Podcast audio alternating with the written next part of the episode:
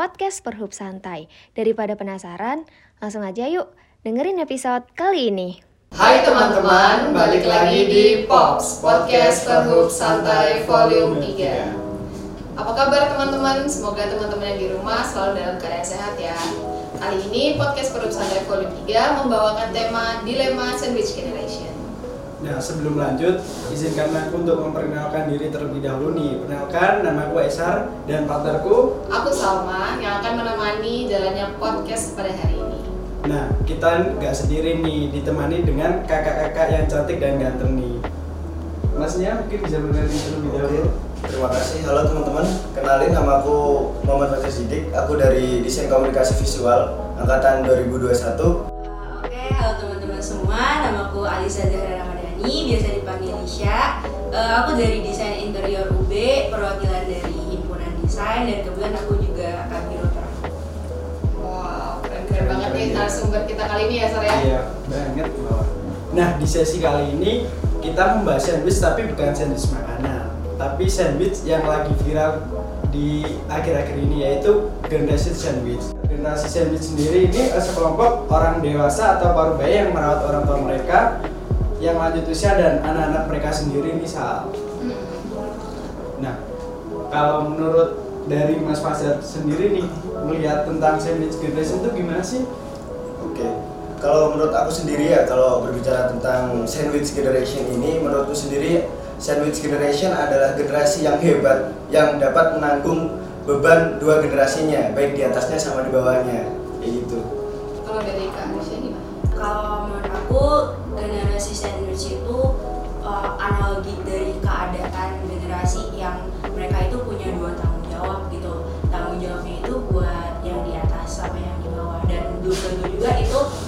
Paruh baya menurut aku sih karena kan banyaknya generasi sandwich itu malah uh, anak-anak yang kelahiran 90-an sampai 2000 mungkin ya. Menurut aku sih gitu. Oke oke nah kalau dari definisi kalian sendiri sendiri kalian sebenarnya lihat gak sih sama sandwich generation ini? Apakah kalian uh, masuk dalam sandwich generation ini? Menurut kalian sendiri? Oh, ini aku apa pelajar nih? Kak Aisyah Oh ya boleh oke oke ya. Eh, kalau menurut aku sih alhamdulillahnya aku nggak relate ya Nggak sama ya? generasi sandwich. Kak Aisyah ini kalau boleh tahu berapa bersaudara? Aku tiga bersaudara, Tiga, tiga bersaudara. Kak Iya. Aisyah anak ke? paling bungsu. Oh anak bungsu. Eh salah anak bungsu kan? Iya. Sama deh kita ya. Pas dulu kebetulan kebetulan aku juga anak bungsu boleh nggak? Boleh Oh, oh ya udah aja nggak nggak salah ya. Oke, kalau dari- Bungsu geng. Bungsu geng. Kalau dari Fajar, kalau dari Fajar sendiri gimana? Oke, kalau dari mungkin pengalaman aku juga nggak relate juga sih, soalnya karena ya generasi sandwich ini kan cuman istilah aja kan. Dan menurutku juga kalau ada orang yang eh, istilahnya menyatakan bahwasanya dia generasi sandwich, itu menurutku orang yang nggak bersyukur. Soalnya kenapa? Karena ya aku percaya kalau ada pun itu musibah datang ke kita ya nggak akan ini loh kan Tuhan juga menjamin kalau musibah itu datang ke kita pasti kita itu bisa melewatinya kayak gitu mungkin dari aku itu sih Hmm. Tepuk tangan dulu. Keren banget sih jawabannya keren banget. Iya kan? Nah, kalau dari kakak nih untuk cara survive eh, di generasi ini gimana sih kalau dari versi kakak sekarang? Dulu aja deh. Gantian. Ya, kalau cara sur- survive-nya sendiri sih itu eh, setiap orang mempunyai cara survive beda-beda ya dan menurutku ya kalau buat survive kita emang harus benar-benar mempersiapkan dari sekarang soalnya eh, generasi sandwich ini sendiri juga berawal dari tahun 2019 kan istilahnya dan itu pun salah satu alasannya karena ya eh, kegagalan generasi milenial dalam eh, istilahnya mempersiapkan biaya buat ke depannya gitu kan. Kalau buat survive-nya ya kita dari awal harus investasi terlebih dahulu buat kita benar-benar eh, mempersiapkan buat ke depannya dan kita harus kerja cerdas juga. Dan memang kalau berbicara tentang survive yang lebih ke mendalam mungkin aku sendiri juga masih belum meranakan ke situ mungkin itu aja sih Jadi lebih eh, pintar-pintar kalau duit gitu Iya. ya. Kalau dari kalian gimana? Eh, kalau dari aku eh, kata Fajar tadi sih bener kayak orang survive itu kan beda-beda. Kalau aku ya itu ada kita milih, aku milih mungkin ya. Kan aku bilang tadi kalau generasi sandwich itu eh, kayak nggak cuman paruh baya aja gitu. Maksudnya banyaknya itu malah kan yang di tahun 90-an sampai tahun 2000 gitu kan. Nah, mungkin gini eh, kalau aku lihat eh, di masalah-masalah generasi sandwich itu banyaknya itu mereka itu eh, gimana sih? Mereka itu terhimpit oleh orang tua sama anak mereka. Nah mungkin untuk pasangan-pasangan muda kayak eh, yang pasangan muda tahun 97, 98, 95 mungkin mereka bisa milih prioritasnya siapa? Mau orang tua apa anak gitu. Kalau misalkan prioritasnya orang tua ya udah kalau emang mau nikah sih nggak apa-apa gitu. Itu kan their choice gitu kan pilihan mereka. Nah tapi semisal orang tua masih masih membutuhkan mereka ya jangan punya anak dulu. Tapi kalau misalkan prioritasnya anak kan kita nggak tahu ya rezeki dari Tuhan itu gimana kan. Mungkin dia langsung punya anak atau gimana ya sama orang tua mungkin bisa dikomunikasiin dulu. Kalau semisal mereka itu juga ada tanggungan gitu dan bener harus pintar-pintar ngatur finansialnya gimana. Soalnya yang dihidupin itu nggak cuma seorang dua orang. Hmm, setuju juga sih. Nah, kalau aku melihat sih sebenarnya persoalan sandwich generation ini sendiri itu enggak melulu tentang eko- ekonomi ya, cuman eh, kita juga menjadi jembatan komunikasi mungkin ya antara adik kita mungkin dengan orang tua kita bahkan orang tua kita seperti itu sih. Kalau.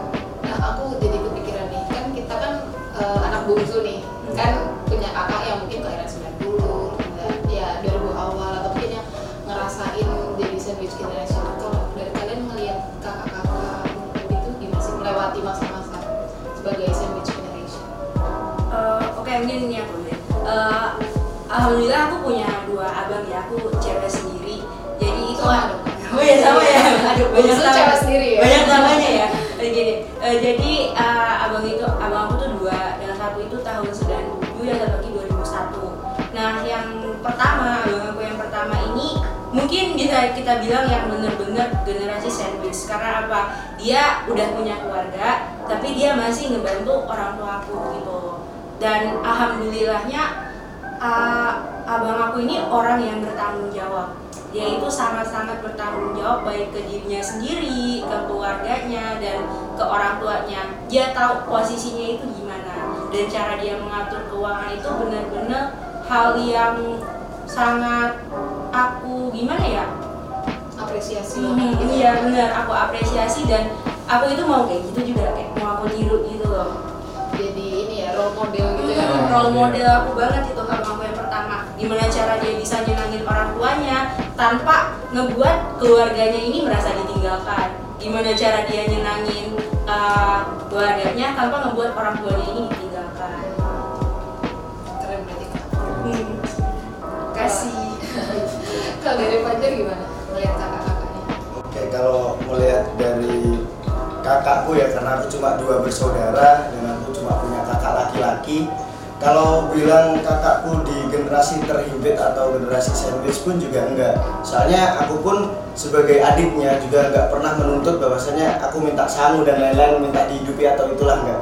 Karena eh, istilahnya penanaman pikiran dalam anak-anaknya didikan bapakku tuh selalu ya kalian harus mandiri gak ada yang kalian harus meminta kayak gitu seharusnya kalian tetap harus memberi kayak gitu jadi kalau buat saling menyusahkan sih selama ini enggak soalnya lebih ke bertanggung jawab ke hidupnya masing-masing. Nanti kalau ada yang kekurangan barulah ditambah kayak gitu. Tergantung urgensinya aja sih. Hmm, kelahiran tahun berapa tuh kalau boleh tahu? kalau kakakku sendiri kelahiran tahun 99 99 ya nggak jauh beda juga ya sama kita.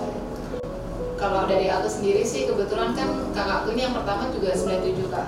Seumuran. Jadi kayak ya experience-nya sama-sama lah mirip-mirip. Itu juga udah berkeluarga, berkeluarga bisa ngehidupin keluarga intinya sendiri tapi adik-adiknya ini nggak ditinggalin juga ibunya nggak ditinggalin juga gitu. Jadi kayak masih peduli lah sama keluarga yang mau besarkan dia dari kecil sampai sekarang udah punya keluarga sendiri Oke, nah mungkin kalau dari kakak sendiri nih, untuk mengambil keputusan antara pilihan orang tua atau idealisme kalian masing-masing itu gimana sih? Untuk mengimbangi atau mungkin biasanya tuh orang tua kan kita pinginnya apa orang tua kepinginnya apa kan nah kalau dari kakak sendiri gimana sih menjawab persoalan tersebut Oke, kalau tentang pilihan ini tadi, kalau tentang pilihan sih aku lebih ke pilihanku sendiri sih. Soalnya kalau kecewa atas pilihan orang lain kan juga nggak enak gitu kan. Jadi kalau aku sendiri lebih ke milih dari pilihanku sendiri. Yang penting aku bisa bertanggung jawab buat melakukan pilihanku itu. Ini konteks pilihannya gimana ya? mungkin dari eh, cita-cita mungkin Oh, Oke, kalau misalkan dilihat dari cita-cita yang berbeda sama orang tua, antara diri kita dengan orang tua, mungkin aku ngelihat dulu kedua pilihan ini mana yang terbaik sama untuk aku. Karena orang tua aku itu aku nggak tahu ya, tapi menurutku semua orang tua itu pengen yang terbaik untuk anak-anaknya. Nah, jadi kita lihat dulu pilihan mereka ini apa dan pilihan aku ini apa? Dan mana yang terbaik gitu? Untuk mungkin prospek ke depannya bagaimana cara nanti aku menghadapinya? Kan nggak tahu kan ke depannya misalkan kayak jurusan kuliah beda itu udah wajar udah banyak masalahnya. Jurusan kuliah beda ini gitu. Ya jadi dilihat dulu dibandingkan dulu pilihanku sama pilihan orang tuaku yang terbaik yang mana? Dicari jalan keluarnya gitu. Ya dan pada akhirnya sih eh, orang tua itu pengen anaknya dengan pilihan yang terbaik ya tentunya ya. Kalau dari perspektif kakak nih eh, dampak dari sandwich generasi sendiri itu apa sih versi kalian masing-masing. Kalau menurut aku dampak yang paling utama itu stres sih. Mental health-nya itu ya. Mental health banget ya. ya kan kalau jaksel jaksel banget. ya maaf ya maksudnya kan gini sekarang kan emang lagi ini ini banget kan tentang kesehatan mental gitu. Iya, nah itu tuh yang paling utama yang paling berdamage itu ya mentalnya itu stres. Karena eh, yang dipikirkan itu banyak gitu dan tanggung jawab jadi situ banyak gitu, untuk dampaknya. Dan kalau misalkan kita udah kena mental itu bakal kena juga ke kesehatan. Kehidupan sehari-hari juga bener banget iya karena pasti tentunya sangat menguras energi kita. Hmm, bener banget. Dan karena hal-hal seperti itu itu rentan jadinya orang-orang itu ke jalan yang salah gitu. Yang membuat banyaknya apa ya kalau misalkan remaja mungkin kenakalan remaja kalau misalkan yang mungkin dia udah eh, dewasa itu tindakan kriminal gitu tuh. Hmm Iya. pinjol nah itu pinjol itu salah satu bukti ini ya bukti Hmm. konkret ya ya. Iya, pernah ya Jar ya pinjol Eh, Enggak sih mbak. Oh, beda jalan ya. beda ya, Jangan beda ya. sampai. Jangan sampai ya Jar ya. Nah, tapi eh, pernah pernah lihat nggak sih teman dari kakak sendiri kayak ini anak sandwich generation nih, tapi kok kayaknya lagi murung atau lagi kena dampaknya sandwich generation gitu. Ada nggak teman atau ya kenalan lah yang kayak gitu? Atau mungkin lagi down-downnya Iya gitu. lagi iya lagi the lowest point of their life gitu. Pernah sih. Pernah. Iya, ketika dia istilahnya stres dapat tuntutan orang tua, terus tuntutan dari adik-adiknya kan eh, temanku ini sendiri tuh ya istilahnya sehabis kuliahnya udah harus kerja gitu karena ya mungkin mohon maaf karena sisi ekonomi keluarganya itu nggak mencukupi buat dia melanjutkan ke perguruan tinggi jadi ya dia dituntut untuk kerja dan kerjanya pun juga seadanya untuk membiayai adik-adiknya kayak gitu. Nah Eh, mungkin kalau bisa dikata stres mungkin dari mukanya dia ini sendiri juga stres sih tapi yang lebih eh, menakutkannya lagi itu ya kecerobohan tadi baik pinjol sana sini gali lubang tutup lubang kayak gitu. Dan itu juga eh, dari HP-nya sendiri itu pasti di- bisa dihubungin gara-gara ya lebih banyak dihubungin orang-orang yang Pinjol itu. Iya, yang lagi pinjol kayak gitu. Rentenirnya. Ah, rentenirnya. Jadi udah dia ini stres, dapat tuntutan orang tua, tuntutan hutang. Nah nanti biasanya ya dia lebih sering ke ini sih minuman keras nih. Pelampiasannya Iya, pelampiasannya ke situ. Nah tapi eh, ini nggak sih kalian kadang support kayak suka support gitu nggak sih kayak ya walaupun nggak relate tapi kan kayak kita sebagai salah satu temannya lah yang yang bisa ikut menyemangati biar dia nggak putus asa atau gimana gitu. kalau dari temenku gimana ya kalau misalkan mereka sandwich generation itu mereka stres sih stres tapi bukan karena sandwich generation gitu jadi kalau misalkan supportnya eh, tentang sandwich generation juga ya aku nggak yang ke sana gitu aku lebih ke mereka nya permasalahannya apa gitu soalnya teman-temanku ya alhamdulillahnya juga bukan yang sandwich generation juga mereka paling stres tapi ya stresnya karena Hal lain gitu. hmm, berkuliahan lah apalah segala macem Percintaan gitu. ya. Eh, Banyak udah ya. jelas banyak Banyak ya. capek Banyak ya. capek banget itu Oke oke. Terus kalau misalkan nanti nih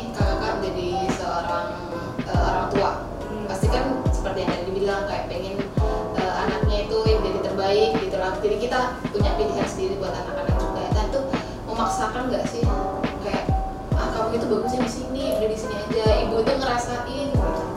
Pernah eh, kepikiran gitu nggak? Atau mungkin punya metode untuk mendidik anak yang gimana gitu? jadi parenting gitu ya parenting gitu ya Parenting dikit Jackson. ibu sosialita ya Eh, kalau misalkan itu kan kita nggak tahu ya ke depannya gimana. Itu tergantung situasi dan kondisi juga. Nah eh, semisal memaksakan ini bagus itu bagus. Kita itu menurutku nggak bisa maksa gitu karena pengalaman yang dialami sama anak sama kita itu beda. Mereka ini misalkan nih tentang sekolah SMA lah ya contohnya. Eh, SMA ini aja nih bagus gitu. Eh, tapi anaknya itu kayak mau ke SMA ini terus kita maksa itu sebenarnya nggak bisa. Karena mereka itu kan baru mulai melangkah untuk ngalamin untuk sekolah di sana. Mungkin emang kita melihatnya pengalamannya ini sekolah ini dibanding sekolah ini lebih bagus yang A daripada B. Tapi kan anak ini kan nggak tahu. Iya. dikasih pengertian aja mungkin. Dikasih pengertian tapi nggak memaksa. Karena kalau aku ya selama pilihan eh, kalau misalkan aku punya anak nanti ya insya Allah nih amin ya. Aduh. Ya hmm. itu eh, selama pilihan dia itu baik selama dia mau ngelakuin itu secara sungguh-sungguh ya aku kasih dan aku ngelihat pilihan dia ini ada di jalan yang benar apa enggak tetap diarahin tapi Tetap tapi diarahin. dibebaskan untuk memilih gitu. betul sekali kalau apa dari aku sendiri eh, setuju sih apa yang dikatain Mbak Lisa tadi tentang ya istilahnya bebas lah memilih. Yang penting tetap ada pengawasan dan arahan dari kita kayak gitu. Yang penting kita pastiin bahwasanya pilihan si anak nih dia bisa eh, bertanggung jawab lah atas pilihannya. Soalnya eh, dalam kebanyakan kasus yang terjadi di stick parent itu kebanyakan ya anak-anak itu lebih sering gimana ya lebih sering membohongi Iya. kayak gitu dan Iya, itu bener. sangat istilahnya ya dalam segi keluarganya ada, aja udah berani membohongi apalagi sama masyarakat luas kayak gitu jadi aku malah lebih takut anakku membohongi diriku sih kalau kayak gitu. Ngomong-ngomong strict parents kayaknya kok ketawa gitu relate ya? Apa enggak? Enggak relate ya? Relate nih awal ya. Cuman makin ke sini mungkin orang tua juga mengerti lah eh, keseharian kita gimana. Jadinya mungkin eh, mereka juga menaruh percaya sih sama aku kayak "Ya udah sih nggak apa-apa. Asalkan kamu eh, nggak belok nih gimana? belok gimana? belok ya kirain kirain kirain. jaga gitu juga. Ya jangan ya. Kirain pelan pelan. Aduh, kamu pelan. Tapi aku setuju sih sama yang dia ngomongin Fajar tadi. Mungkin didikan orang tua aku juga gitu soalnya. Kamu itu bebas milih milih apa pun di hidup kamu. Pokoknya kamu bertanggung jawab. Entah itu kamu mau ngerokok, mau eh, ya ya apa pun yang pilihanmu itu kamu harus bertanggung jawab gitu. Jadi aku juga mikir kayak, aduh ini aku nanti milih ini tuh beneran gak sih? Aku bisa mempertanggungjawabkan gak sih? Jadi kayak pikiran refleks aku sendiri gitu. Apakah aku bisa mempertanggungjawabkan enggak? Iya sih. Nah, kalau menurut kakak kakak sendiri nih melihat uh, sandwich generation ini uh, rentan terkena stres atau mungkin berdampak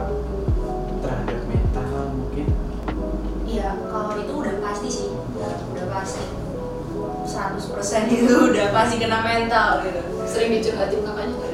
soalnya aku sering kebetulan aku sering dicurhatin Iya sih, aku enggak. Kakakku itu lebih ke mama aku. gimana kan Ya ngobrol ngobrol kan sama mama aku gimana ya Oh, aku iya, tahu iya, sih iya, iya. tapi yang rentannya itu pasti pasti kalau jawaban aku itu pasti Iya sih, pasti beban juga kan, Hmm. tanggung jawab juga pasti. Eh, terus menurut tanggung jawab dari menjadi terjebak di sandwich generation itu gimana sih? Tanggung jawab eh, harus menghidupi keluarga kah atau mungkin membahagiakan keluarga? atau gimana? gimana Ya kalau aku sendiri ya mengusahakan ya mengusahakan secara maksimal mungkin mungkin dengan cari kerja yang lebih berbenefit lagi mungkin dan juga jangan sampai inilah jangan sampai terjebak dalam eh, lubang setan pinjol kayak gitu aja sih soalnya Iya ya, sih. rata-rata orang stres tuh rentannya ke ceroboh juga gitu Juga bisa mikir jernih ya. apalagi sekarang kan juga apa ya teknologi buat mengakses dapat uang dengan mudah kan juga Iya. sangat enak banget Iya sih. Gayanya pinjol aja sekarang judi. Nah, Iya. slot itu pun Iya. Slot, slot. Bener. Uh, tanggung jawab jadi sandwich generation. Kalau misalkan aku di posisi itu ini kita realistis realistis aja lah ya. Iya. semisal emang dapat kerjanya yang nggak bisa menghidupin dua generasi itu gini. Kalau misalkan aku dapat gaji aku nggak bakal ngomong jumlah gaji aku berapa? Karena kalau misalkan kita bilang gaji kita berapa ke orang tua mereka pasti pasti walaupun ada yang nggak di di apa ya ditampilin gitu pasti ada harapan di situ ya, kayak hmm, dikasih dikasih sekian lah apalah. Nah itu kata aku jangan jangan dikasih tahu. Bilang aja misalkan gaji pokoknya bonus apa segala macam nggak usah dikasih tahu gitu kan. Nanti misalkan kita ada rezeki lebih ya udah kita kasih jajan ke orang tua. Terus ini kalau misalkan aku masih jadi single woman yang karir karir independen nih kalau tapi kalau misalkan aku udah punya keluarga ya kan aku kan cewek ya tapi emang eh, kayak kata Fajar tadi kerja sih nyari kerja nyari duit itu eh udah menurut aku jawaban yang paling Bener ya? yang paling paling si paling gitu jawabannya paling. si paling Terus mungkin ada nih pesan-pesan buat teman-teman yang terjebak di sandwich generation apa pesan-pesan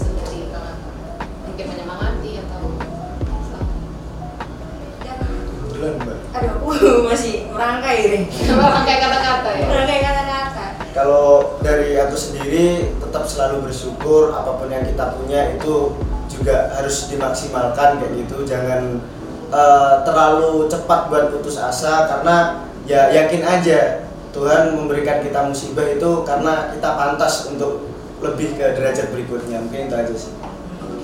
Oke, kalau pesan aku buat uh, teman-teman sandwich generation yang ngerasa dirinya sandwich generation itu tetap semangat. Emang yang kalian butuhin itu bukan kata-kata semangat support, tapi selalu ingat ada orang-orang yang beneran tulus sayang, ada orang-orang yang bener-bener menyemangati, dan apa pun itu masalahnya pasti ada jalan keluarnya. Eh, Dan jangan lupa juga bersyukur kalian itu hebat, kita semua hebat. Tepuk tangan dulu. Nah mungkin movement tuh bisa kita awali dari eh, keluarga kita terdekat kakak-kakak kita sendiri mungkin Iya. Tuh, kasih Support semangat, iya. support gitu ya. Karena emang gak gampang sih jadi masuk terjebak di sandwich generation. Oke, terima kasih teman-teman kakak yang sudah menyempatkan hadir untuk mengisi podcast kali ini. Jangan lupa buat teman-teman yang di rumah yang ingin nonton seri sebelumnya nih, kan ada juga volume 1 dan volume 2-nya atau mungkin volume-volume se- selanjutnya bisa banget ditonton di IG, Spotify atau YouTube BEM Vokasi UB. Eh, BTW ini studionya kok bagus banget ya? Iya, kayak estetik banget estetik gitu. banget gitu ada juga. Empuk ya? Iya, empuk banget kayak Iya, bagus dari ya tadi kayaknya. dari tadi kayak pengen aduh Comfy tidur enak. banget. Iya. Dingin lagi sejuk Eh, ya. serasa di rumah sendiri Hmm, Iya, bener-bener. estetik, keren. Nyaman banget ini. Kita lagi di mana sih? Kita lagi ada di Duda Studio. Mungkin dari teman-teman nih, mungkin kalau yang mau tapping video atau mungkin sekedar studio foto, nah boleh nih datang ke Duda Studio. Mungkin ini studionya juga bisa buat foto keluarga buat teman-teman yang wisuda. Mungkin bisa banget ya Sar ya. Bisa banget Foto di atau sini. iya atau foto sama ayang kalau punya Ah, ayang ya iya. boleh dicoba nih. di Boleh banget nih. Eh, perlengkapannya juga ini ya Iya, lengkap banget. Kamera-kameranya juga bagus-bagus teman-teman. Jadi jangan lupa untuk kunjungi Dut Studio di Gria Santa Suharan. Oke, sekali lagi terima kasih buat Kak Fajar dan juga Kak Alicia sebagai narasumber kita kali ini. Akhir kata dari kami, wassalamualaikum warahmatullahi wabarakatuh. See you. Terima kasih telah mendengarkan podcast Perup Santai. Jangan lupa share konten kami lewat sosial media kamu. Kalian bisa cek konten menarik lainnya di Instagram, Spotify, dan YouTube BEM Vokasi UB.